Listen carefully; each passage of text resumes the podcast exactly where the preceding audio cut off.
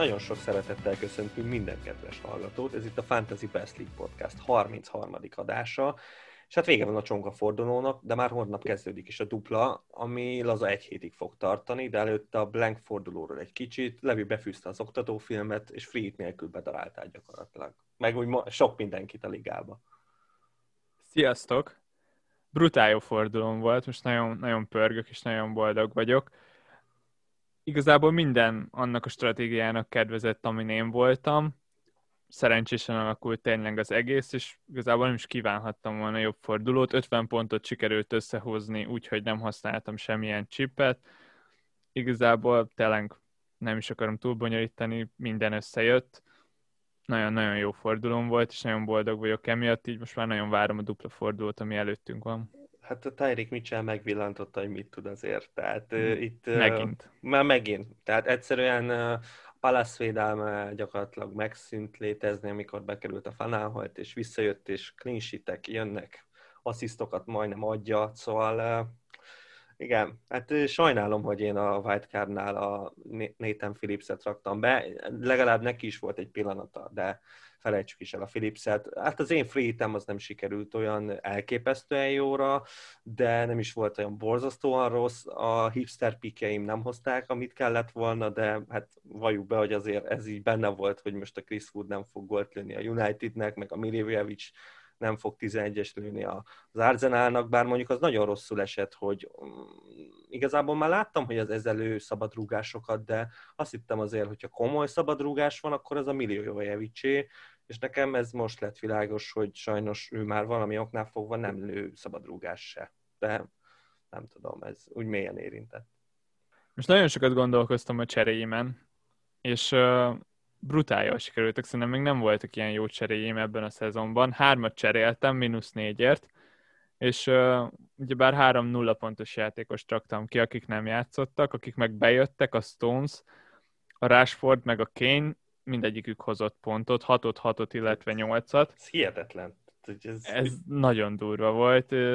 Igazából az egyetlen problémám az csak az, hogy most így a Salah kikerült, és majd neki kell valahogy visszavergődnie magát, de ez, ez, ez majd a későbbiekben. Hát de ez még a mínusz négyeket is megéri. Bár mondjuk, ha mondjuk mind a kettő mínusz négyet beleszámítod, akkor olyan, mintha nem csináltak volna semmit. De attól függetlenül, ja, ez így is azért fújó abszolút, abszolút azt gondolom, hogy ez, ez jobban jött ki, mint, mint azt szerintem gondoltad így elsőre.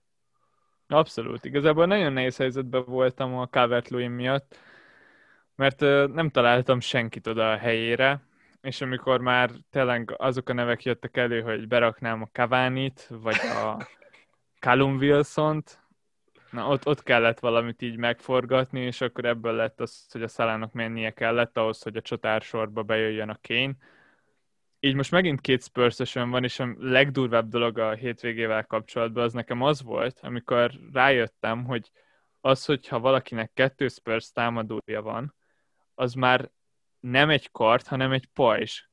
Én konkrétan az én csapatomnak rosszat tett az, hogyha bármelyik spurs hozott pontot, mert több játékosnak volt bent, akár kapitányként, mint nekem összesen ugye bár, hogy egy és egy játékosként voltak bent, és ez hihetetlen, hogy kettő Spurs támadó az konkrétan nem jelent különbséget a mezőnyel szemben. Hát ez egész szezonban így van. Tehát, és főleg amikor, ugye hát főleg én, aki sokáig úgy volt, hogy egyik se volt bent, hát ha mind a kettő csinált valamit, akkor így éreztem, hogy így a fordulóm így, így megy el, és így csúszik el. És most is, hogyha ha csak egy van, akkor is így érzed, hogy, hogy hozni nem hozol, csak, csak szinten tartod, ha éppen a másik nem hoz.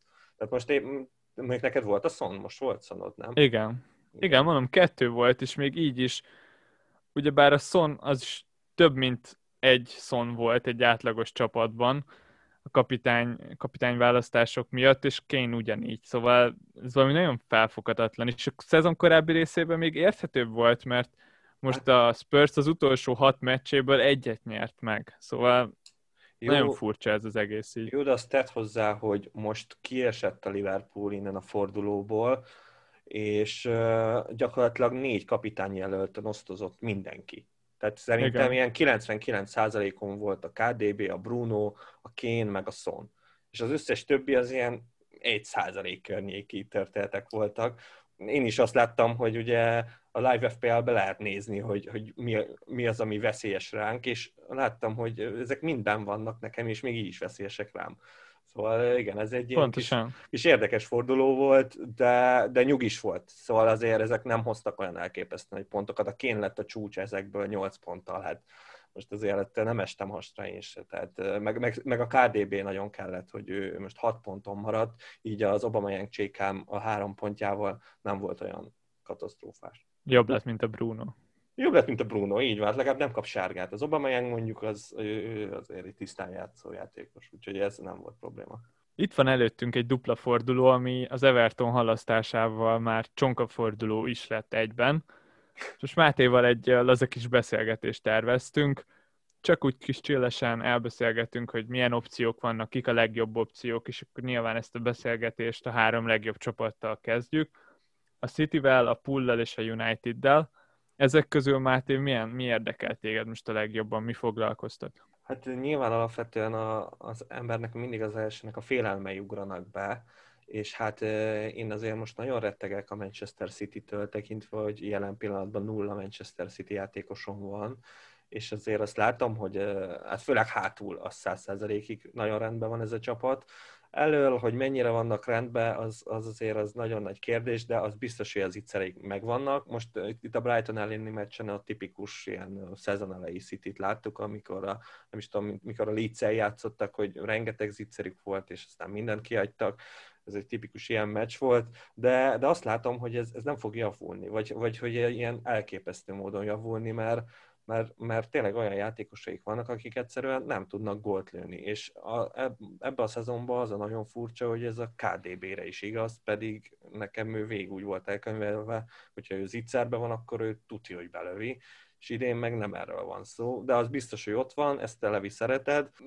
Nem tudom, még most nagyon kacérkodok vele, hogy megpróbálom KDB nélkül ezt a fordulót, de lehet, hogy jobban fogok félni tőle, úgyhogy kénytelen leszek berakni.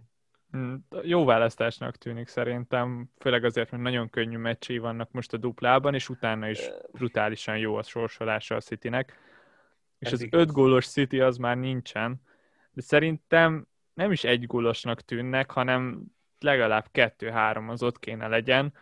Nagyon pazarlóak, és valószínűleg ez hatalmasat nem fog változni, de, de tényleg én még azt érzem bennük, hogy, hogy egy hármat összehozzanak egy ilyen Brighton minőségű ellenfél ellen, és most ilyenek jönnek. Bár az Aston Villa azért az oda van rakva, tehát jó, tudjuk, hogy most azért itt átment rajtuk a Covid rendesen, de attól függetlenül én biztos azt gondolom, hogy a stabilitás megmarad. Tehát én nem hiszem, hogy mondjuk ez a tíz ember, akit hallottunk, ez mind a kezdőből esnek ki. Tehát ugye ez a City-nél is így kezdődött, hogy kiesett öt ember, és öt olyan, ember, vagy olyan emberek estek ki, akik teljesen lényegtelenek, és simán lehet, hogy itt a villánál is erről beszélünk. Úgyhogy nekem az a villameccs az, az nem nagyon érdekel. Az, az mind a villát kicsit megméri, hogy most milyen állapotban van, meg hogy tényleg mennyire óriás ölő, és azért a, a City-t is megnézzük, hogy, hogy mit tud ez ellen az Aston Villa ellen. Hát ugyanezt kb. a Palace meccsről is el lehet mondani, mert Igen. Palace se szokta könnyen Ez adni tény. magát. Ettől függetlenül mind a kettő meccs otthon lesz. Igen. És, és ez így nagyon-nagyon adja magát. Tényleg azért a City otthon, még mindig úgy vagyok vele, hogy, hogy jó lesz ez és, és mindenképpen De Bruyne szerintem az egyik legjobb pick így a dupla fordulóra, a támadókat figyelembe véve, a védők azok meg most, most arra már abszolút kötelezőek, szóval szerintem egy az City biztos. védője az mindenkinek kell, hogy legyen, mert tényleg három meccsenként kapnak egy gólt, azt is valamilyen megpattanóból. Asecsi jön és büntet. Tehát ez Konkrétan. ilyen. De az biztos, tehát a védő az nekem is biztos, hogy lesz a csapatomba, de, de mit gondolsz arra, hogy sokan felvetették azt, hogy lehet, hogy a KDB csak 90 perces játékos lesz itt most a két fordulat. Gondolok arra, hogy egy meccsen kezd, mondjuk a másodikon meg 10 percet kap, vagy valami ilyesmi. Hát ez abszolút benne van, és ezzel szerintem számolni is kell. Aki berakja, az, az ennek tudatába rakja be, de igazából ez az összes City játékosra igaz de Stones, de még akár a Diás is simán hát, padozhat. Én a Diás ne olyan nehezen képzelem el, hogy padozzon. Tényleg, tehát én azt azért mondom, mert eskü ki, kiedzeteltem még az előzőre fölkészülve, hogy, hogy mikor játszott, és mindig játszott a csávó. Tehát konkrét mindig játszott, és végigjátszotta. Most az FA Kupa meccsen volt az, hogy lecserélte, mert már most lecserélte, de Én mondom, csak Pep miatt mondom. Nála azért tényleg Jó, az ilyen jogos. játékosok is be tudnak bukni egy fordulóban egy meccsre, de pont ez a lényeg a City játékosokban, hogyha most egy meccsük lenne, szerintem még akkor is jó választások lennének, nem hogy így, hogy dupláznak. Ugyebár alapjáraton az lett volna a terv még így 5 héttel ezelőtt, hogy a Citynek most szimpla fordulója van, és, és én még akkor is simán beleálltam ebbe az egész city kérdésbe, szóval nekem ennyire tetszik a City, így, hogy most van egy extra meccs, így 90 percet biztos kapunk bármelyikből, a rotálás az meg rotálás, és sokan kérdeztétek a Fodent, akinek most nagyon jó meccsei voltak, meg nagyon jó a formája is. Na hát Fodenhez úgy állok, hogy ő tavaly a szezon végén is nagyon jó volt, és nagyon jó meccsei voltak, és lőtt gólokat, és ettől függetlenül most láttuk, hogy mennyit játszott ősszel, szóval ez most nem egy ilyen első hullám a Fodemnél, nem most robbant be, hogyha nem fog játszani, akkor nem fogok meglepődni, hogyha játszik, igazából akkor se, ez teljes peprulett és, és lutri.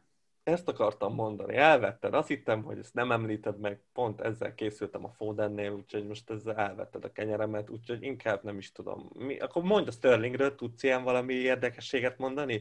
Hogy nem tudom, most kihagyta a 11-es, és a következő meccsen meg mindig nagyon darál, vagy valami.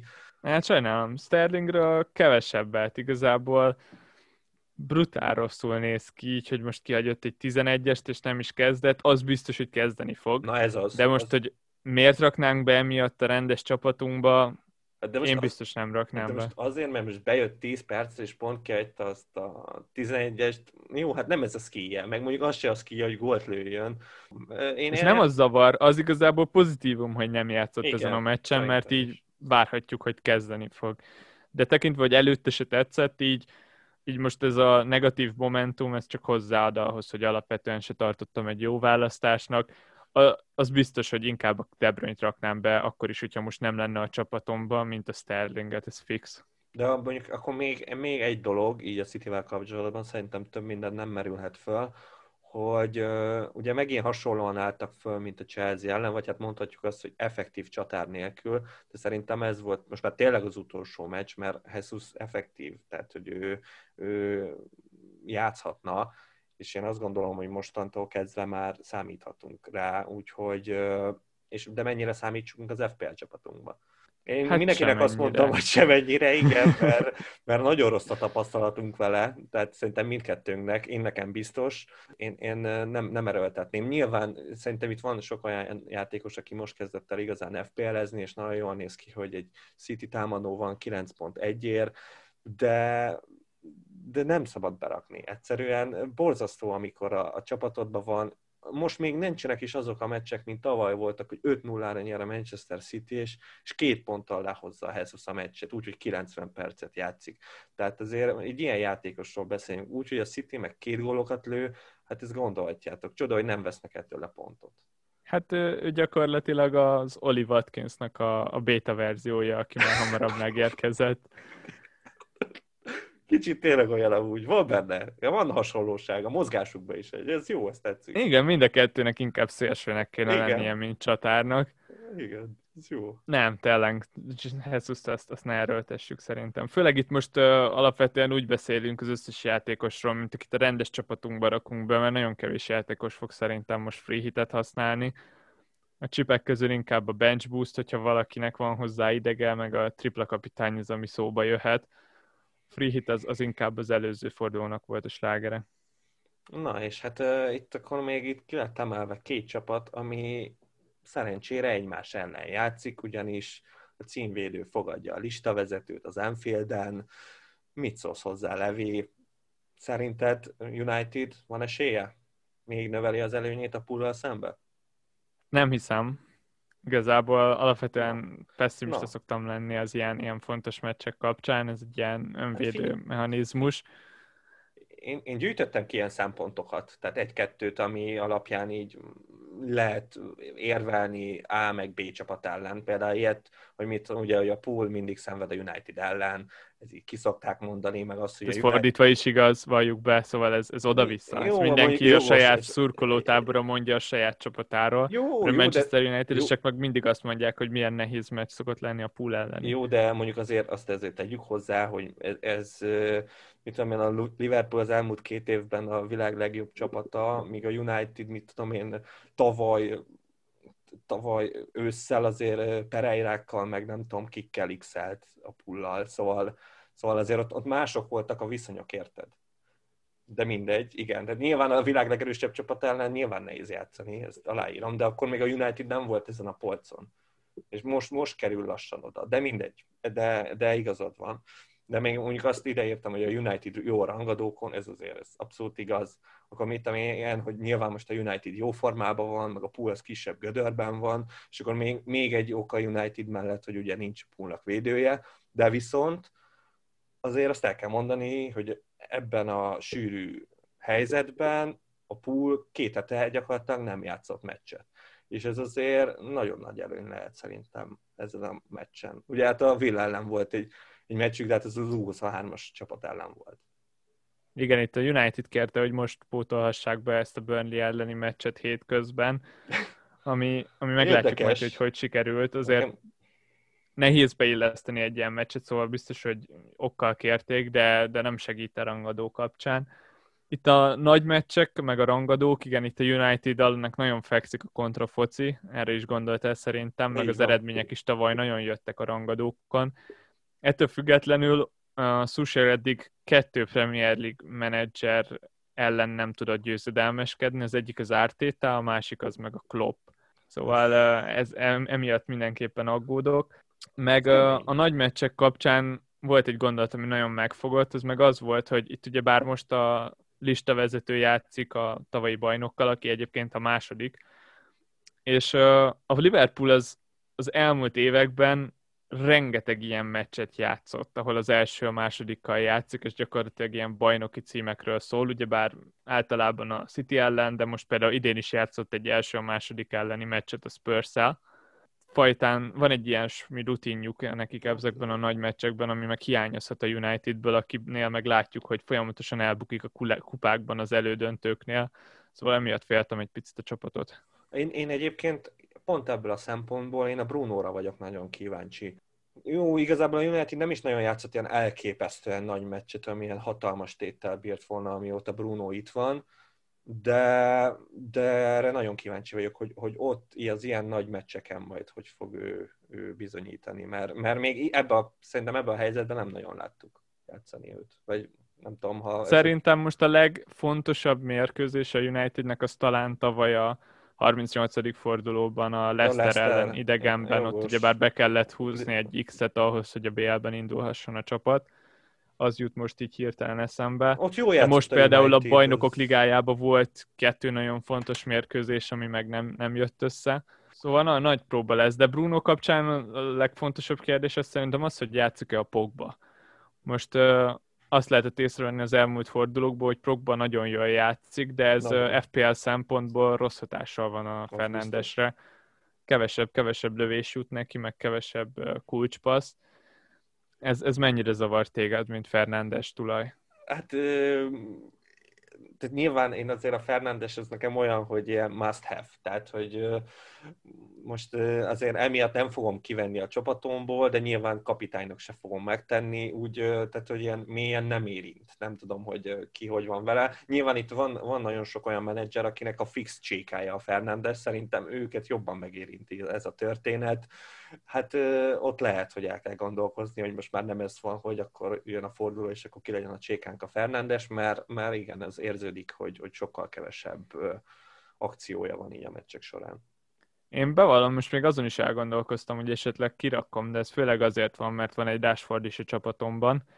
Ellenben még hiányzik, aki a Liverpool rossz formája ellenére is szerintem jó opció, jó opció lesz így a duplára. Ez a Unitedről meg a Liverpoolról is elmondható szerintem, hogy lesz egy elképesztően izzadós meccsük vasárnap. Így van. De így, hogy dupla forduló van, mind a kettőnek jutott egy-egy könnyebb meccs is, és az utána lévő sorsolásuk se rossz, és főleg emiatt tűnnek nagyon jó piknek igazából mind a két csapatnak a játékosai. Bár egyik se a legkönnyebb meccs egyébként a második meccs. Nem azt mondom, nagyon jónak tűnnek, de azért uh, szerintem szenvedős lesz mind a poolnak, a Burnley, mint pedig a, a Fulham a, a Unitednek. Igen, gólzáport szerintem egyik meccsükön sem, sem nagyon várhatunk. Nem, nem ez, nekem például ez a Fulham ez nagyon tetszett, de lehet, hogy lesz még róluk szó. És a, a Liverpoolnál így az elmúlt fordulókban mutatott formájuk, a decemberi formájuk, a kevés gól, a viszonylag gyakran bekapott gól, ez mennyire zavar téged?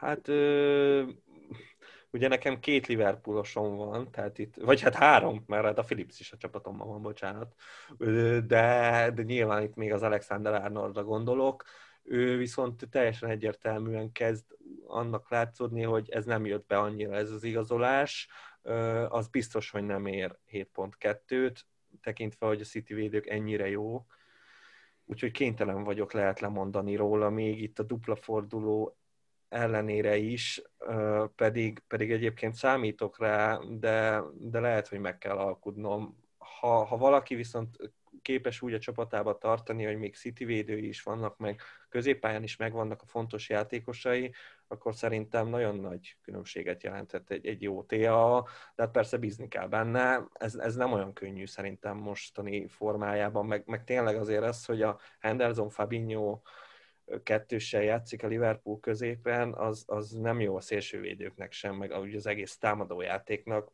szóval, szóval ott, ott, ott van baj a poolnál, de Tea mégiscsak, hát itt szabadott bármikor belőhetne, de tényleg nincs olyan formában. Ezt nagyon sokszor hallottuk, hogy azért játszhatott a Trent meg a Robó szélsőt gyakorlatilag, mert volt ott két olyan közép hátvéd, meg hát nyilván a középpálya, akik elvégezték helyettük a védőmunkát, vagy legalábbis olyan mértékben segítettek be, ami, ami, ami hagyta, hogy ők ott kibontakozhassanak elő, ezt szerintem most eléggé meg is mutatkozik, Persze, hogy tényleg. mennyire jó is volt a Van Dijk például. Persze, hát ez két, két védőt ér az a csávó, az teljesen nyilvánvaló, tehát most ha csak ilyen az Arsenal elmúlt tudom, évtizedében visszamegyek, akkor nagyjából egy ilyen Mustafi, nem tudom, Senderos kettős érte, tehát ez, ez fele annyit ér, mint a Van Dijk egy magában. Szóval ez az.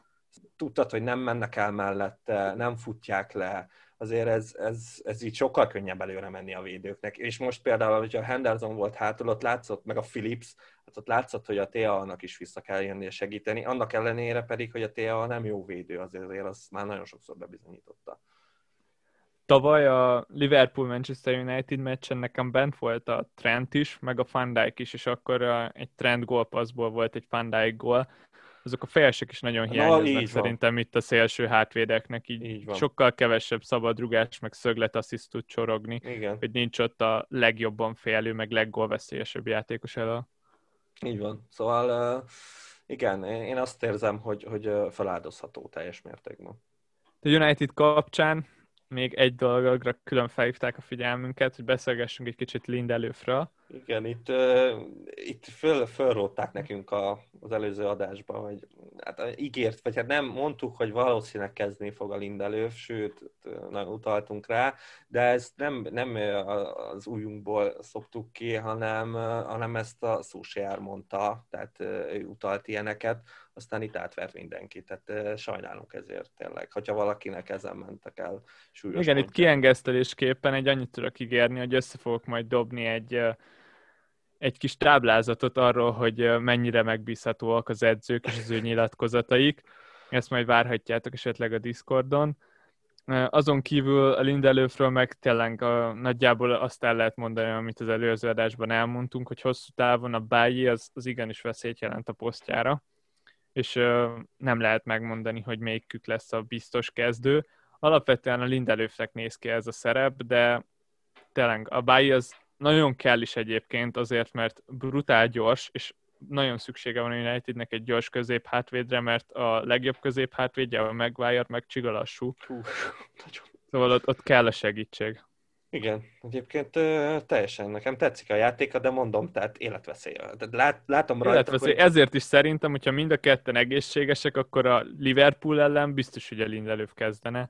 Stabilabb. Legalábbis ezt gondolom. Ö, igen, a Lindelöf azért, mert hogy ő megbízhatóbb.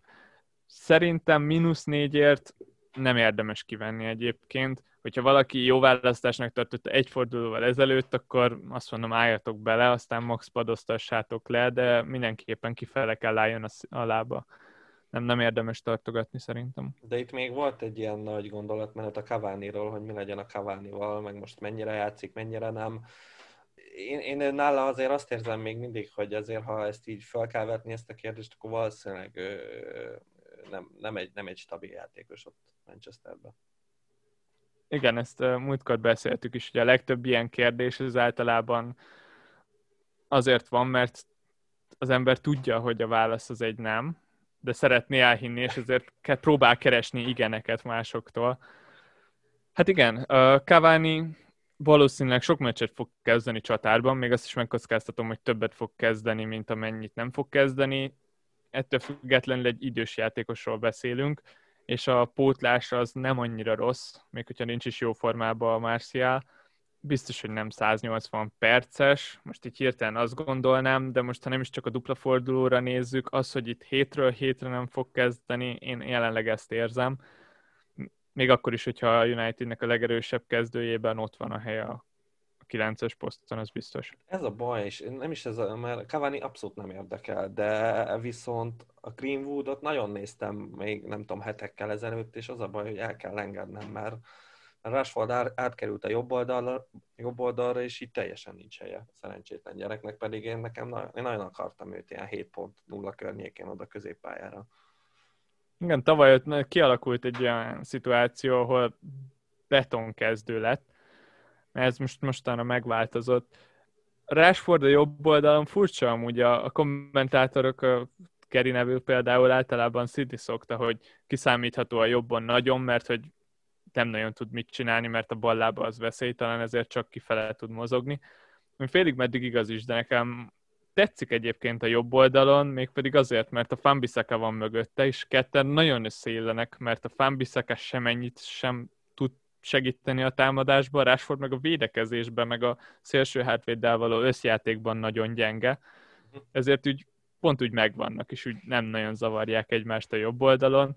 Így a balon meg ott, ott lehet kombinálni a sónak végre valakivel, mert a rashford az annyira nem működött. Igen, sok erősebb a bal oldalra a Unitednek, ez, ez látszik.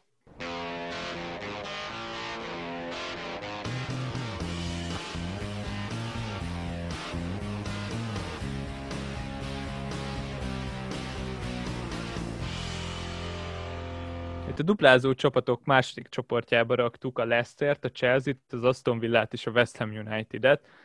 És hát ebből a négy csapatból egyértelműen az Aston Villával kell kezdjünk, mert nagyon sok kérdést kaptunk erről a csapatról, annak ellenére, hogy már egész régen láttuk őket játszani.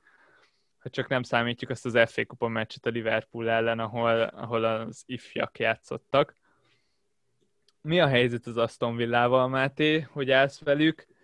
Azt tudom, hogy te is szemezgetsz onnan, Nagyon. meg neked is van már bent játékosod tőlük. Mi, mi lesz velük?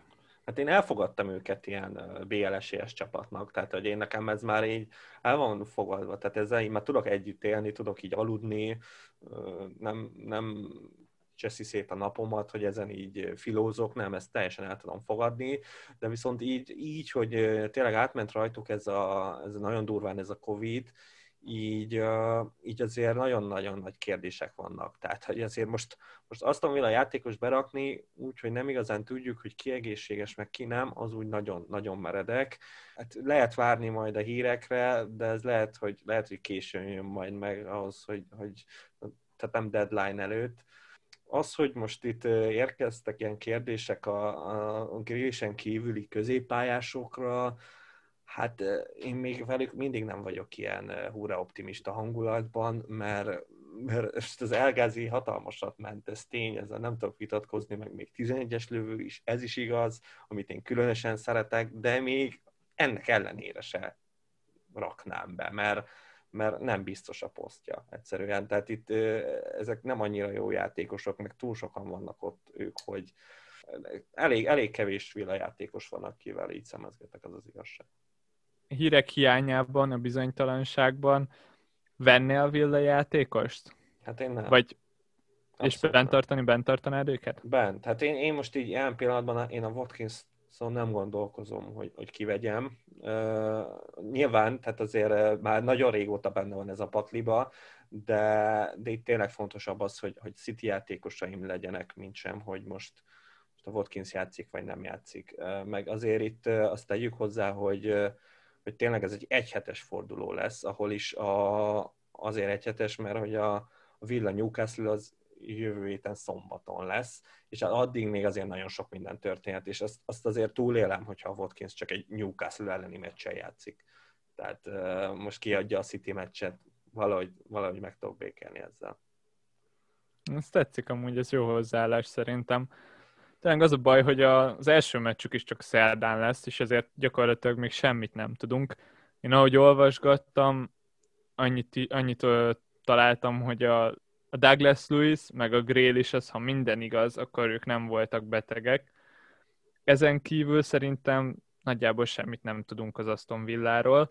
Esetleg még annyit, hogy szombaton fog kinyitni az edzőközpontjuk. Ott lehet, hogy okosabbak leszünk, de az is lehet, hogy nem kapunk képeket az edzésről a határidőig, amikor a délután lesz. Szóval itt szerintem a legnagyobb kérdés az az, hogy miért nincs benne Ónodi Ákos az FPL-ben. Egyébként teljesen jogos kérdés. Annyira jogos, de, de egyébként van rá magyarázat, mert, mert azért így is elég sok kapusa van a, a, az Aston Villának. Tehát, de, de teljesen jogos. 4.0-ért ezt szerintem minden magyar berakná, már, már csak fánnak. Tekintve, hogy nekem egyébként Aston Villa 4.0-ás kapuson van, most nézem, hát egy alap.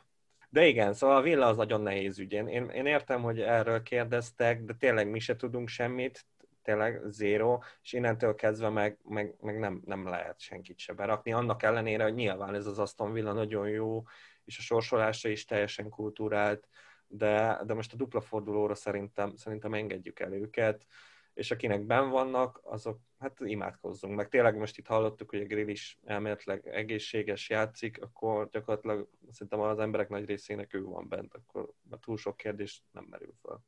Engem egy dolog nagyon zavar velük kapcsolatban, az pedig az, hogy nagyon vékony a keretük. Most decemberben is, hogyha megnézitek a kezdő 11-eket, akkor nagyjából mindig ugyanazzal a kezdő 11-el állt fel a villa, mert a második embereik azok végtelen gyengék. De ez, ez, és... ezt nem, nem adom meg. Ezt azért állnak ki így, mert, mert a, most a Smith nagyon megtalált ezt a csapatot, de, de most én nekem például a Nakambával semmi bajom nincsen szerintem egy tök okés játékos, most lehet, hogy kicsit rosszabb, mint a Douglas Lewis, de nem sokkal, akkor ha azért itt a, ugye már beszéltünk a sok jobb szélsőről, most egy Trezegé nem jó játékos, de, de nem sokkal rosszabb szerintem, mint egy Traoré. Úgyhogy, Figyelj, tavaly láttuk, hogy hol tartottak ezekkel a játékosokkal. Jó, azt, a meg, azt azért megadom, de, de most tavalyhoz képest van egy nagyon jó kapusuk, van egy nagyon jó jobb hátvédjük, meg megtalálták. Na és a... pont ez az, hogy most tíz játékos is fertőzött volt, és ezt simán lehet, hogy nem fogjuk tudni, hogy melyik volt az a tíz a hát de lehet, kezdet előtt. lehet, hogy a Gilbert, lehet, hogy a Gilbert, a de lehet, hogy a Minx. Lehet, hogy és Minx. Minx nélkül meg nehéz elképzelni, hogy működjön ez a védelem, és akkor már is kiesik mondjuk a Target, aki amúgy egy tök jó opció 4,5 ért nek, engem ez nagyon zavar őszintén, hogy ennyire sok játékos volt beteg. Én nagyon el, könnyen el tudom képzelni, hogy borzasztó lesz a villa, azért, mert kiesik mondjuk három-négy fontosabb játékos. Ez, ez engem nagyon visszatart tőlük, és emiatt nem is gondolkozok bennük, még ha akkor se, hogyha dupláznak. Most tényleg a City az egyik meccs, hát akkor ez igazából mennyire dupla? Na de egyébként, ha már most itt erről beszéltünk, most hirtelen lett egy flashem, hogy egyébként, hogyha ha valaki ilyen nagyon olcsó csatárt keres, és már Brewsterből mindenkinek elege van, akkor berakja a Kanan Davis-t. Mert hogy lehet, hogy a Watkins covidos, és akkor jön a Cula állat, és 4.3, hajrá. Ki a szélen szokott játszani targetment, nagyon, nagyon, nagyon tetszik amúgy. zseni a csávó, tehát ha valaki látta már játszani, egyszerűen zseni, imádom. Na mindegy. Szóval igen, a villáról szerintem nem, nem tudom mit mondani. Leicester, Chelsea, West Ham. Ezt, Melyikkel ezt, szeretnéd folytatni? Hát én, én, én gyorsan ledarálom a Lesztert, mert, mert két Leszterem sem is van, majdnem lett egy harmadikom, nagyon gondolkoztam rajta, de aztán rájöttem, hogy azért most egy James Madison berakni, vagy egy Harvey Barnes, az azért nagyon fáradt, de, de én ne, tudjátok, én nem szeretem a Leicester City-t, de, de tudok menni ezzel a flow valamivel mennek, hogy lekontráztak mindenkit, a kis csapatokat ellen kikapnak, és, és most két olyan csapattal játszanak, akik ellen olyan szépen tudnak majd kontrázni, hogy, hogy öröm lesz nézni, Jamie Wardi egészséges, szóval uh, igazából itt az a kérdés, hogy miért ne, miért ne rakjuk meg Csékának. Nem, nekem nem, nem tetszik annyira, hogy Csékának megrakjam, de amúgy szerintem is jó választás lehet. Én, én idén, amikor nézem, ját, látom játszani, akkor tényleg mindig azt látom, hogy csoda, hogy ennyi gólja van, de azért csoda, mert borzasztóan egyedül van a támadásban, és az, hogy egyáltalán ennyi gólt összeszedett, hát ez a egyrészt azt mutatja, hogy 11-es lövő, másrészt az, hogy brutál jó csatár, mert gyakorlatilag minimális segítséggel megtalálja azokat a helyzeteket, és be is lövi, de meg jönnek az asszisztok, mert Igen. szerintem ő a Leicesternek a legjobb gollövője is, meg a legjobb helyzet teremtője is kb. még akkor is, hogyha nem egy ilyen kreatív poszton játszik, de a, a legurítások meg a leadások azok nagyon mennek neki. Kapitánynak én őszintén nem érzem, és szerintem ez főleg azért van, mert nem, nem találom annyira dominánsnak a, a Leicester-t, hogy, hogy megmerjem rakni. Na és hát itt a Wardiról, meg a Leicester City-ről szerintem más nagyon nem érdemes beszélni. A clean sheet szerintem ezen a két meccsen nem igazán fognak jönni. Mm, de, de attól függetlenül talán egy meglepetés klinsit még akár benne is lehet szerintem. De, de akkor menjünk is tovább szerintem azzal a csapattal, amelyikkel fog játszani a Leicester City, az nem más pedig, mint a Chelsea, ami, hát én itt srácoknak mondtam, hogy, hogy én nagyon szemezek a Chelsea pikkekkel, vagy hát pontosabban egyel innen a Chelsea-ből, és az nem más, mint Hakim Ziyech, és hát ők azt mondták, hogy én inkább várjak vele. Igen, és ez főleg azért volt, mert uh, rossz formában van a Chelsea, és így az utolsó jó Ziyech meccs, hát az még a Sheffield elleni hazai volt szerintem. Hát most mondanám a, a Morkamp elleni FA Kupa meccset, de tudom, az én magam is úgy voltam, hogy az nem mérvadó. Tehát tény, hogy ez, ezt nem mérvadó, de nagyon jól mozgott, bár ott még a Havertz is nagyon jól mozgott, szóval igen, ezt inkább hanyagoljuk is. Itt alapvetően szerintem mást, mást vizionálunk a Chelsea-nek. Én most azt érzem, hogy vannak annyira mélyen, hogy itt most a Lampardnak a bukását fogjuk végignézni a következő hetekben, és hogy nem fogja megélni a tavaszt. Te viszont pozitívabban látod a dolgokat. Igen, és nyilván most nagyon rossz, vagy nem tudom mennyire rossz, ti azt mondtátok, hogy nagyon rossz ez a példa, hogy az Arsenal-ral állítom párhuzamba, de, de szerintem az Arsenal még sokkal mélyebben volt, mint ez a Chelsea, vagy, vagy most nem is kell feltétlen különbséget tenni, lényeg, hogy mind a két csapat nagyon mélyen van, volt, és az Arsenal ki tudott ebből jönni. Nyilván látszik még mindig, hogy nem jó ez az Arsenal, nem egy top 4-es csapat, de adott esetben nem is egy top 6-os, de legalább már nem a 15. helyen van. Mondjuk az is igaz, hogy a Chelsea meg nagyon magasról indult, és most kezd szépen visszaállni a, nem tudom, a tabella közepe felé, de én, én úgy vagyok ezzel a Chelsea-vel, hogy, hogy bármennyire rossz edző lehet a Lampard, meg, meg neki nagy ez a kabát, attól függetlenül ez a keret, ez top 4-es. És azért annyira nem lehet elrontani egy ilyen keretet, hogy, hogy ez nagyon a földbe álljon. Nyilván az is gáz, hogyha nem vagy benne a top 4-be ezzel a Chelsea-vel, nyilván akkor évvégén azt mondják neki, hogy szavasz, de, de én magyarul én azt mondom, hogy most elkezd nyerni ez a csapat, attól még nem biztos, hogy top 4-be lesz. Szerintem Lampardnak nagy szerencséje van, mert hogyha ezeket az eredményeket máshogy rendeznénk el, akkor az is lehet, hogy már most kidugták volna. Na, mert... Mert a Chelsea-nél a szint egy edzőnek az máshol van. És Jó. azok az érvek, amiket mondjuk én fel tudnék sorolni a Lampard mellett, azok olyan érvek, amik nem hatnák meg az Abrahamovicsot, szerintem és pont ezért, még hogyha én nem is gondolom őt a legrosszabb edzőnek a Premier League-ben, vagy akár is tudnám képzelni, hogy itt valahogy össze, összekapná ezt a Chelsea-t, itt biztos vagyok benne, hogy az orosz az bajnoki címet vár, és oké, okay, hogy tavaly elnézte ezt, meg megünnepelték ezt a BL indulást, most beruházott, hozta a játékosokat innentől kezdve, győzelmi kényszer van a Chelsea-n, jobban, mint bárhol máshol szerintem. És ehhez nem elég az, hogy beér a négybe, még akkor se, hogyha én aztán elfogadom azokat az indokokat, hogy sok új játékos van, akik most érkeztek másik ligából. Nálam ez helytáll, Ábramovicsnál szerintem nem fog. Nem fog. Én is nagyon meglepődnék, hogyha a Lampard maradna év végén. Ez, ez ebben nincs vita, de mondom, én, én azt gondolom, hogy, hogy most elkezd valamilyen szinten javulni ez a Chelsea, meg én azt gondolom, hogy az ilyesnek nagyon nagy hatása van erre a csapatra. Nem mondom, meg te is tudod, hogy mikor beraktuk, hát nem hozta a pontokat, de egyébként nem nézett ki annyira rosszul.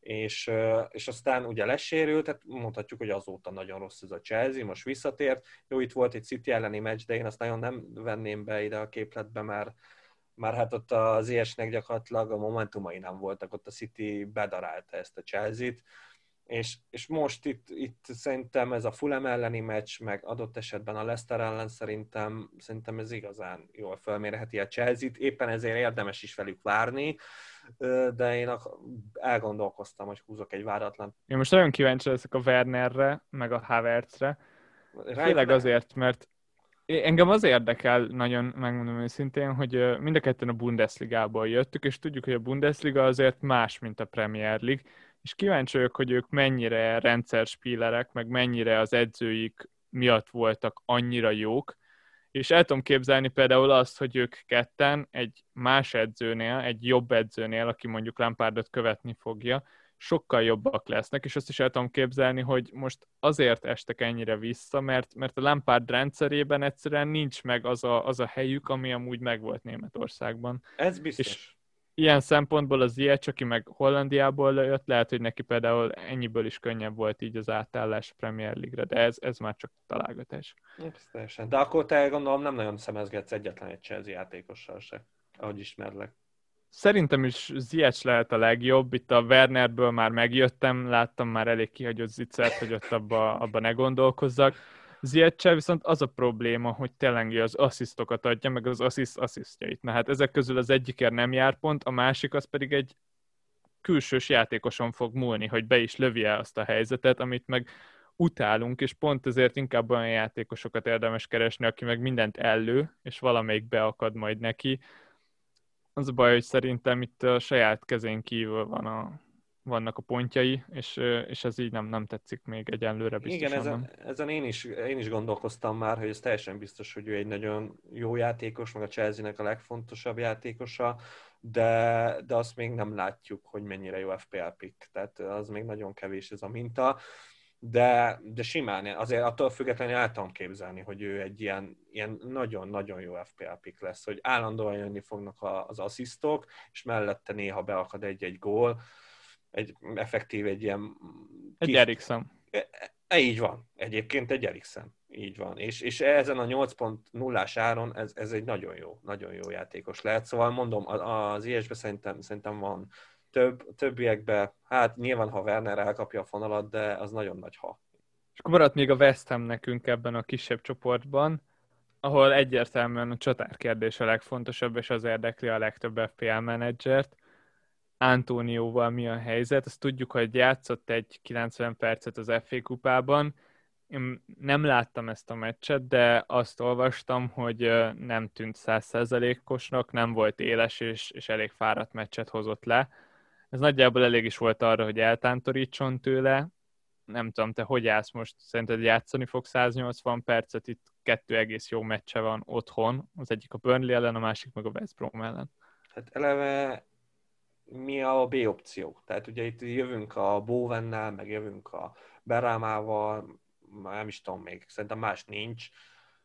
Ugye Haller elment, West Ham elképesztő módon keres egy csatárt, szóval, szóval én azt gondolom, hogy, hogy nagyon más opciója nincs Moisnak, hogy, hogy csak az Antonio van. Úgyhogy szerintem ő, ő, ő kénytelen lesz 180 percet játszani az értem, hogy egy ilyen, nem tudom, hanyadosztályú FA kupa meccsen nem játszott olyan jól, de, de szerintem, szerintem ő fölpörög, meg kemény csávó. Úgyhogy, úgyhogy én annyira nem izgulnék az Antonio percéért, de aztán lehet, hogy én gondolom most ezt egyszerűen. Hát én az egyik legnagyobb Antonio városok között voltam még pár hónappal ezelőtt. Most ott állok, hogy így, hogy még csak 1,90 perc van a háta mögött, én azt érzem, hogy ő alapjáraton se volt az a az elképesztő játékos, aki nem. mindig kérdések nélkül volt FPL választás, hanem most azzá vált egy nagyon jól kifutott tavasszal tavaly, de hogyha belegondolunk, azelőtt szerintem egyszer se beszéltünk róla, mint, mint opció. És most azóta volt egy nagyon-nagyon fáradt ősze, meg egy nem létező tél, szerintem nem, nem nyújt annyi pozitívumot, hogy, hogy most itt nagyon érdemes legyen beleállni. Az árával nagyon nem lőhetünk mellé, de én abszolút nem érzem prioritásnak jelenleg. Nekem nem az a baj, nekem az a baj, hogy, hogy gyenge most ez a West Ham. Tehát amennyire Igen, el, szerintem is. elkapták a fonalat egy, egy pár meccsen, annyira most teljesen homályban vannak, és abból áll a játékuk, hogy lepattanókat begyűjti a szúcsek és belövi. Tehát ez, ez, ez teljesen adhok az egész. Pontrúgások. Küzdős csapat, de ez jól is állna az Antóniónak egyébként. Egyébként persze, teljesen. Lehet, hogy, lehet, hogy csak ő hiányzott, és ez a Hallernel nem működött ez az egész, nem tudom. Szucsek, ha már így említetted. Hát, TC, egyértelmű. Mindenki, akinek van Szucsek. Az a baj, én nem tudom berakni, nem, nem, nincs rá kapacitásom, de akinek ben van, szerintem nem is kell gondolkozni. KDB, Salah, Bruno, nem tudom, Vordi, nem, Szucsek, TC, aztán hajrá. Szerintem dupla mindkét meccsen, az legalább 30 pont, 60 pont, szerintem a legjobb választás. Igen, nekem sincs most bent, és az a baj, hogy én se tudom be, be, berakni a csapatomba Ugye? sajnos, de hogyha bent lenne, biztos, hogy tripla kapitány lenne, ez százszerzelék. Ez teljesen egyértelmű. Úgyhogy emiatt például a Bóvenben reménykedem egyébként, mert, mert azért a Cressfel vagy a Bóven ad neki asszisztokat, azért ott azért így lepattannak ezek a dolgok. Szóval, szóval emiatt így a Bóven lehet, hogy, lehet, hogy most valamit majd hoz. Tényleg úgy reménykedem, hogy a szúcsek mellett így, így elevickél a pontokba azoknak, akik esetleg elgondolkoznak azon, hogy tripla kapitánynak rakják meg a szúcseket, azt tudom tanácsolni, hogyha van egy olyan középpályásotok, vagy csatáratok, esetleg védő, aki nem fog játszani, akkor azt rakjátok a kezdőbe, és őt rakjátok meg tripla kapitánynak, hogy aztán a szúcsek a padról jöjjön be, Úgy, ez mert igen, a padról, ez... padról sokkal hatásosabb. Ez, ez biztos, ez biztos. És ha, nehogy véletlen abba a csapdába essetek, hogy hogy eddig nem játszott valami olyan játékost, és akkor most játszik, és akkor ott ül a padotokon egy, egy tényleg egy igazi kapitány jelölt. Tényleg itt, itt az ilyen sérülteket, már az olyan játékosok, akik eligazoltak, covidosokat, olyaneket így megrakjátok, TC-nek jön be a szúcsek, egyszerűen hatalmas lesz. Elképesztő. Az a baj, csak most jöttem rá, hogy a padon lévőt nem rakhatod meg cserekapitánynak. Ja, értem. Hát de akkor Ú, jogos. Na ugye? Az a baj, így, így nem, nem annyira garantált. Így vagy kezdeted és megrakod cseret tripla kapitánynak, vagy nem rakod meg tripla kapitánynak, és csak a padról várod a pontjait. Nem tudom, tényleg nem tudom. Ez most uh, mindenképpen ezen fog gondolkozni szombatig. De lehet, hogy ez is működik, hogy, hogy csak berakod a csapatba, és akkor válsz. Szerintem lehet, hogy ez is működik. Nem tudom, hogy a Szúcseknél ez egyébként Ilyet szerintem nem tudom, hogy próbáltak-e már. Nyilván ez a pados megoldás, ez biztos működik. Azt, hogy most a kezdőbe válsz, hát figyelj, az, az a baj, hogy itt ez élesbe kell tesztelni. Tehát nincs mese. De viszont, ha bejön, akkor nagyon nagy pontmennyiségeket hoz össze. Négy csapatunk van még, aki duplázni fog, és itt uh, igazából ezt egy feladattal egybe is kötném. Itt a Burnley, a Fulham, a West Brom és a Newcastle-ről van szó. Máté, tudsz-e négy játékost mondani ebből a négy csapatból, akit érdemes berakni.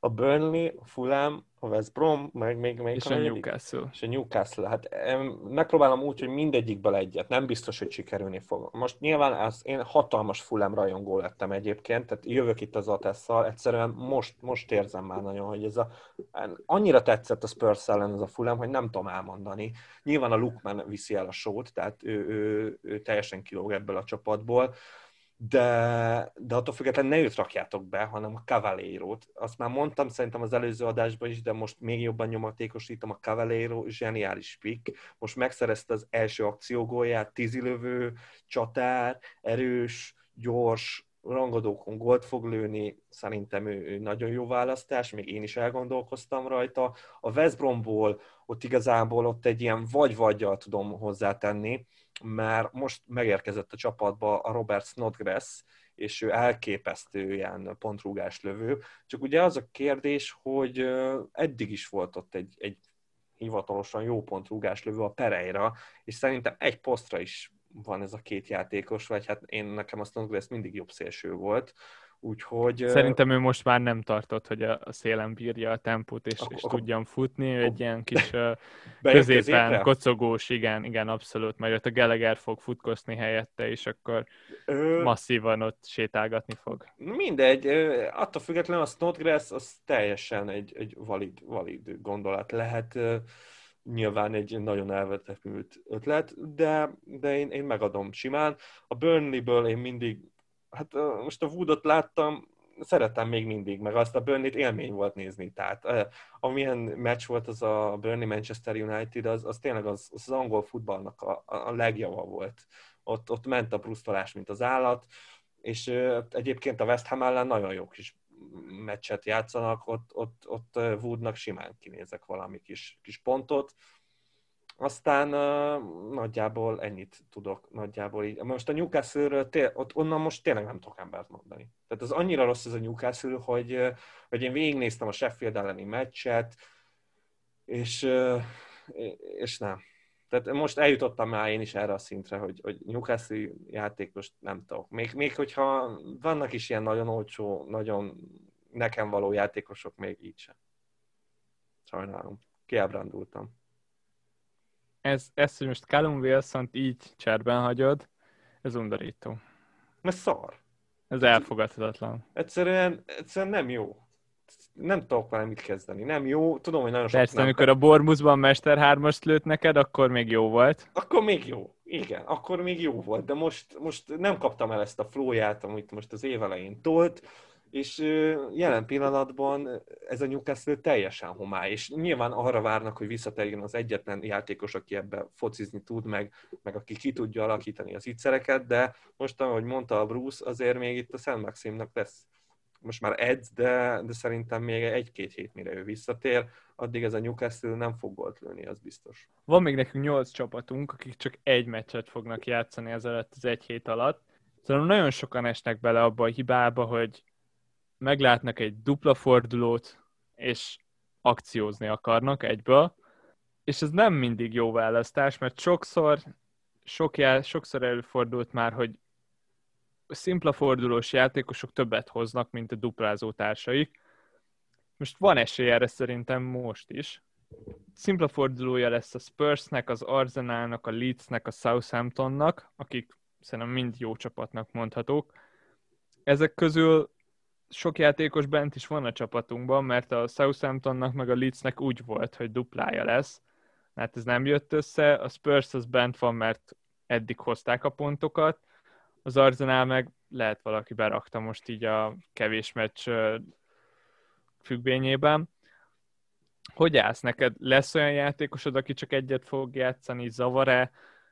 Mennyire akarod kirakni őket, mennyire bízol esetleg ezekben az egyfordulós játékosokban, egymeccses játékosokban? Hát nyilván a Dallas nagyon fájt, mert, mert azt nagyon éreztem, hogy két hazai meccs, az nagyon nagyot ment volna a Dallas, meg nyilván volt a Benfordom, de hát a Benford mindenkinek van, szóval azt, azt tényleg nem nagyon kell most itt számításba venni, a Dallas pedig valószínűleg le fogom padoztatni, mert, mert nyilván lesz három jobb védőm, de attól függetlenül itt, ha most elmondtad ezeket a csapatokat, tényleg például Southampton egy nagyon jó kis csapat, de például ha megnézi már az ember a sorsolását, akkor viszont már úgy van vele, hogy hát abszolút kiadhatóak. Mi, ugye itt a, szerintem a Sotonra a védőkre ment rá nagyon sok ember, a McCarthy, Walker Peters, meg a Bednarektől kezdve az összes védő szerintem nagyon egy százalékon van, de, de itt tényleg nehéz meccsei jönnek a Szotonnak, szóval, szóval nem érzem azt, hogy ha most itt kivesszük, akkor olyan sokat vesztenénk vele.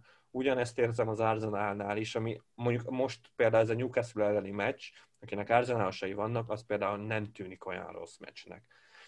De, és akkor térjünk rá Spurs-re, akit én most nyilván már, mi a spurs már azért, nem tudom, éveleje óta mondjuk, hogy hát ilyen a Spurs, meg olyan a Spurs, de hozták a pontokat, meg aki, aki igazán elől van, az, az a spurs miatt van elől, de de nem tudom. Én még mindig azt érzem, hogy, hogy, hogy ez, ez kevés. Kevés, ezért az árér, és most, most kezd javulni az többi prémium játékos, úgyhogy, úgyhogy én nem tartom ilyen elvetemült ötletnek, hogy ha, ha adott esetben mind a két Spurs játékostól megválik valaki. Hát itt a csonkaforduló miatt most már én is kettő spurs rohamozok, Na, és ugye. nem tetszik. Na. De itt már említettem, hogy az elmúlt hat fordulóban egy győzelem, és még nem a győzelmekre kapjuk a pontokat, hanem a gólokra, de azért olyan sok gólt se láthattunk. Nem. Furcsa, nagyon furcsa és nehéz. Itt a Sheffield ellen fognak játszani, ami nehéz. szerintem a West Bromot leszámítva, annak ellenére, hogy nehéz, meg mindig az egyik legjobb sorsolás. Á, de, de most azért azt vett számításba, hogy megszerezte az első győzelmét ez a csapat. A Newcastle ellen. Most eh, tudom, értem, hogy a Newcastle ellen, meg hogy emberhátrányban volt a Newcastle, meg, meg még így is majdnem sikerült egy öngolt lőniük. Persze, ez mindig az. Meg, meg... Az a baj, hogy a Newcastle nem elég jó abban, hogy rossz legyen. Még ebben sem. Szóval... Még, még arra se jó, hogy fölhozza a csapatokat, mi? Tehát Konkrétan. Mert, mert oda van írva, hogy hát ez meg van csillagozva, hogy ez a Newcastle ellen volt. De nem tudom. Tehát azért ezt látjuk, hogy a felállt védelemmel szemben ez a Spurs szenved, és a Sheffield ellen meg aztán ott lesz számfalna. Én, én nem, nem tudom. Az biztos, hogy nem lesz itt gólparádé. Persze az a spurs nem is kell, hanem őnek két gólt, és mind a kettőben benne van ez két állat, és akkor már hozzák a pontokat. Ilyen egyszerű a Spursnél, de nem tudom. És ha Brutál utána, nehéz. Ha utána megnézed, nyilván ott, ott meg úgy lesz, hogy ilyen felváltva lesz egy kis csapat, utána meg egy rangodó. És a rangodókon meg tudjuk, hogy jó a Spurs, úgyhogy ha valaki amiatt tartja benne őket, akkor azt mondom, hogy oké, okay, abba, abba látok, látok valami rációt. Most nagyon nehéz helyzetben vagyok, mert uh, pont ott állok, hogy a, Kane-nek várom azt, hogy jön, jönni fog a pont a Sheffield ellen. Uh-huh. Azért az a betömülős meccsre Igen, szerintem neki passzol jobban. Igen. De a, a Son meg egyszerűen annyival olcsóbb, hogy szerintem itt megint akinek kettő van, én azt mondom, hogy a Kane-t érdemes feláldozni előbb, pusztán az ára miatt, még azt is megkockáztatom, hogy a Kane-nek de... több pontja lesz a következő tíz meccsen, de szerintem nem lesz annyival több, hogy azt a másfél milliót azt kompenzálja nekünk. De van egy probléma ezzel egyébként az, hogy azért csatár opciók nem igazán vannak. Most egy Wardy van az igaz. alternatívád a kénre, míg a Son helyébe azért nagyon sok játékos be tudsz rakni. Ez igaz, ez szerintem is ez a legnagyobb érv a Kane mellett, de szerintem ez másfél milliót nem ér ez az érv, és emiatt vagyok úgy, hogy, hogy még így is előbb raknám ki Harry Kane-t. Értem, teljesen világos. Nagyon nehéz. Ettől függetlenül szerintem, hogyha valaki esetleg bent hagyja őket, van olyan jó meccs ez a Sheffield United, hogy, hogy ne legyen belőle gáz, és hogyha valaki egy fordulós játékos bent hagy, akkor a Spurs tűnik a legjobbnak ezek közül a csapatok közül. De te adott esetben a duplát is bent tartanád? Tehát szonként mind a kettőt?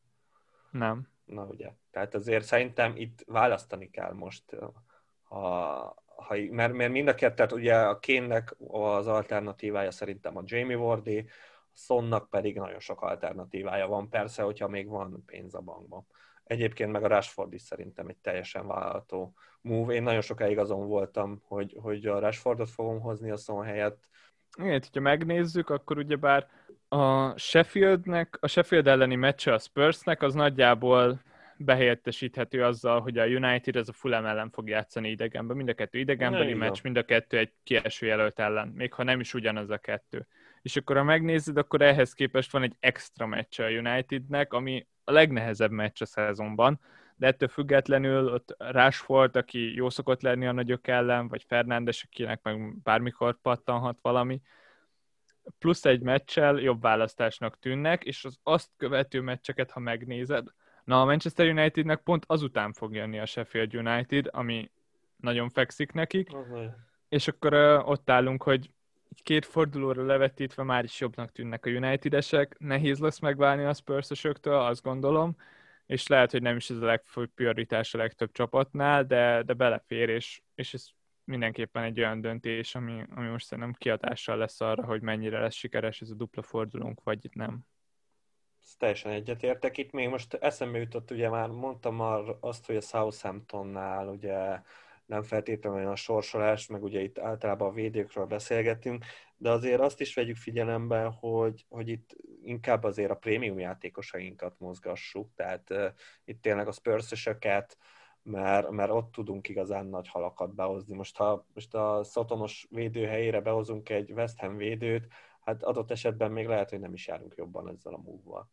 Nagyon egyetértek veled, és itt van ugyebár négy csapat, akit még nem említettünk meg. A Brighton, a Wolves, a Palace meg a Sheffield, nekik mind elég rossz meccsük van, és csak egy meccsük van, és akkor itt van a Soton, a Leeds, akikről már úgy felszínesen beszélgettünk. Azért ezekből a csapatokból csak olcsó opciók vannak bent a mi csapatunkban. És hogyha megnézed, akkor tényleg valószínűleg nem lesz érdemes egy 4,5 milliós Southampton védőt cserélgetni egy ugyanúgy 4,5 milliós West Ham védőre, azért mert az egyik kettő meccset játszik, mert nagyon alacsony a plafon, ellenben, hogyha valakinek hiányzik a csapatából egy-egy ilyen nagy ágyú, valaki mondjuk kirakta a szalát és visszahozná De Bruyne, Bruno, Wardy, egyszerűen ott sokkal több pontot érez az ember, és pont ezért, ezért nem, nem szabad elájulnunk itt a dupla forduló miatt, meg a két meccsektől. Szerintem a legtöbb ilyen 4,5 milliós cserélgetést azt vagy már el kellett volna végezni, vagy pedig a nagy, nagyok játékosoknak az előkészítést kellett már elvégezni, és akkor fér bele most, most cserélgetni ezeket a védőket. Belefér a mínusz négy, most sokkal inkább belefér, mint bármikor, mert hogyha azt nézed, hogy plusz 90 perc, az plusz két pont, akkor ugyanúgy, mint az előző héten már is csak két pontba kerül ez a csere, de ettől függetlenül nem lesz értelme értelmetlen cseréket csinálni, és, és jól meg kell gondolni, mert valószínűleg, hogyha cserélünk hatot, az nem, fog, nem lesz kifizetődő. És, és a mínusz nyolc? Itt azért vannak játékosok, akik azért elég durva mínusz nyolcas típusok.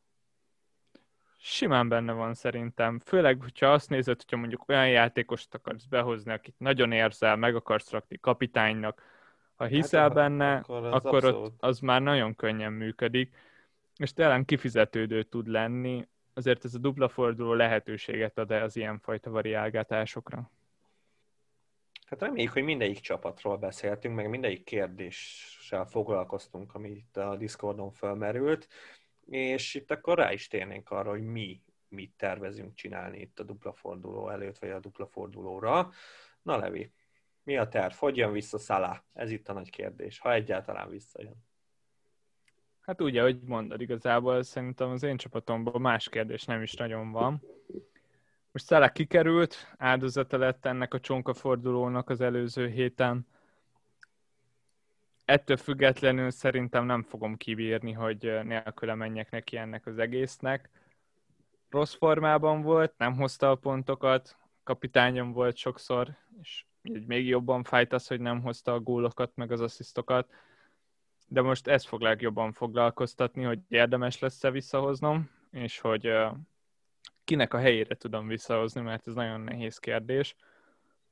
A legjobban az zavar, hogy nem tetszenek az olcsó opciók, így emiatt kerültem ebbe a helyzetbe is, hogy a ként hoztam be meg a Rashfordot, mert tényleg egyik játékos se győzött meg, aki, aki mondjuk csatárt játszik, és 9 millió alatt van. Szerintem vissza fogom hozni, és, és ez nagyban ilyen közrejátszik az is, hogy az is lehet, hogy megrakom tripla kapitánynak. Fú, nagyon nehéz. Igazából vonz, abszolút vonz, mert dupla fordulója van a legjobb FPL játékosnak. Az egyik meccs nagyon nehéz, a másik sem egyszerű. Nem de, tudom, ez, de... ez még egy olyan dolog, amire abszolút aludni kell de lesz még dupla forduló. Tehát azért itt, és a Liverpool nincs jó formában is. Lehet, hogy a szezon végén a dupla fordulóban nem lesz ekkora kérdés, és még adott esetben könnyen meccsei is lesznek. Nem, nem a Burnley-vel játszik, hanem a Newcastle-vel, vagy a nem tudom kivel, a Brightonnal. Szóval nekem annyira nem tűnik igazán jónak ez a, a párosítás, ez a két meccs. Mondom, én nálam még az is kérdés, hogy, hogy egyetlen ő a legjobb CK opció. És ha, ha ez ennyire nagy kérdőjel, akkor, akkor nem biztos, hogy tripla kapitányra megraknám.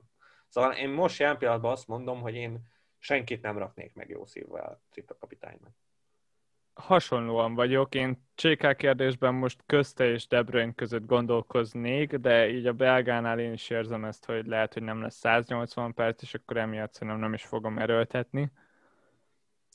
A, a United-eseket meg tényleg annyira, annyira most nem, nem érzem magamban a bátorságot, hogy megrakjam valamelyiket. Liverpool meccstől nagyon tartok, és akkor onnantól kezdve már Marad necces az egész. És az is lehet, hogy Telenk Fernándes ki fog kerülni a csapatomból. Ezt, ezt még nem tudom, nagyon nehéz, nagyon nehéz helyzetben vagyok, és, és sürget a határidő. Hát én nekem azért, de még arra mondjuk arra nem mondtál példát, vagy nem mondtál semmit, hogy ezt hogy tervezed. Mert akkor valószínűleg azért, mert nem is tudod, hogy hogy hozod vissza a szalát. Szóval még nem tudod, hogy kinek a helyére mi. Így van. Valószínűleg vagy azt tudnám megcsinálni, hogy itt a Rashford helyére jön, ami alapjáraton az ő helye volt, és akkor egy olcsó csatárkája jön a Kane helyett, vagy hogyha mondjuk a Wardit be akarnám szuszakolni, akkor meg kell váljak vagy a Fernandestől, vagy a De Bruyne-től, és kettőjük közül biztos, hogy a Fernandesnek mondanék búcsút. Hát nyilván.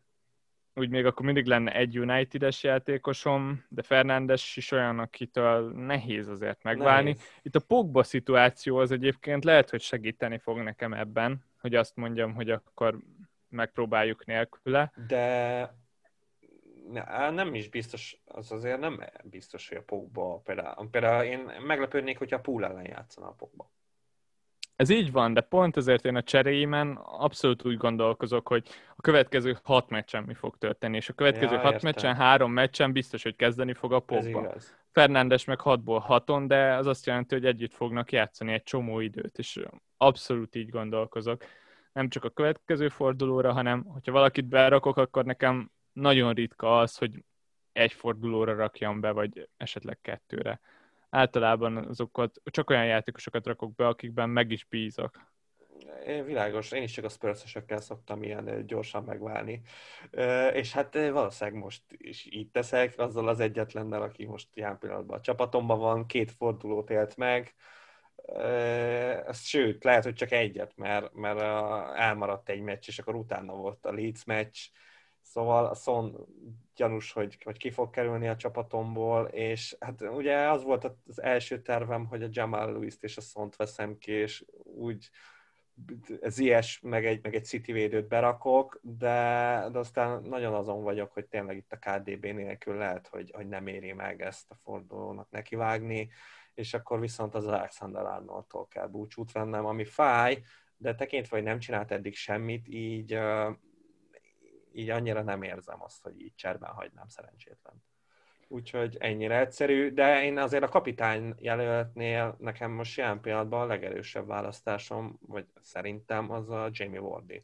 Én, én nagyon érzem őt, tényleg. Tehát, uh, aztán vele az a baj, hogy nagyon be lehet fürödni egyébként, mert, mert nem hiszem, hogy túl sokan megraknák kapitánynak. Itt azt gondolom, hogy a Salah meg a KDB lesz a nagyon menő. Lehet, hogy egy kicsit ezzel így le lehet maradni, de, de mondom, valami oknál fogva én nagyon érzem a Wardit. Az biztos, hogy túl stresszelni nem kell ezt a dupla fordulót, mert szerintem aki minket hallgat, azok már mind készültek rá, és már ott, ott figyel nagyon sok játékos, aki duplázni fog. Jó forduló lesz ez itt, tényleg a legnagyobb különbséget az azt, fog jelenteni, azt fogja jelenteni, amit eddig elvégeztünk cserék, meg készülgetés, nem itt az utolsó kettő.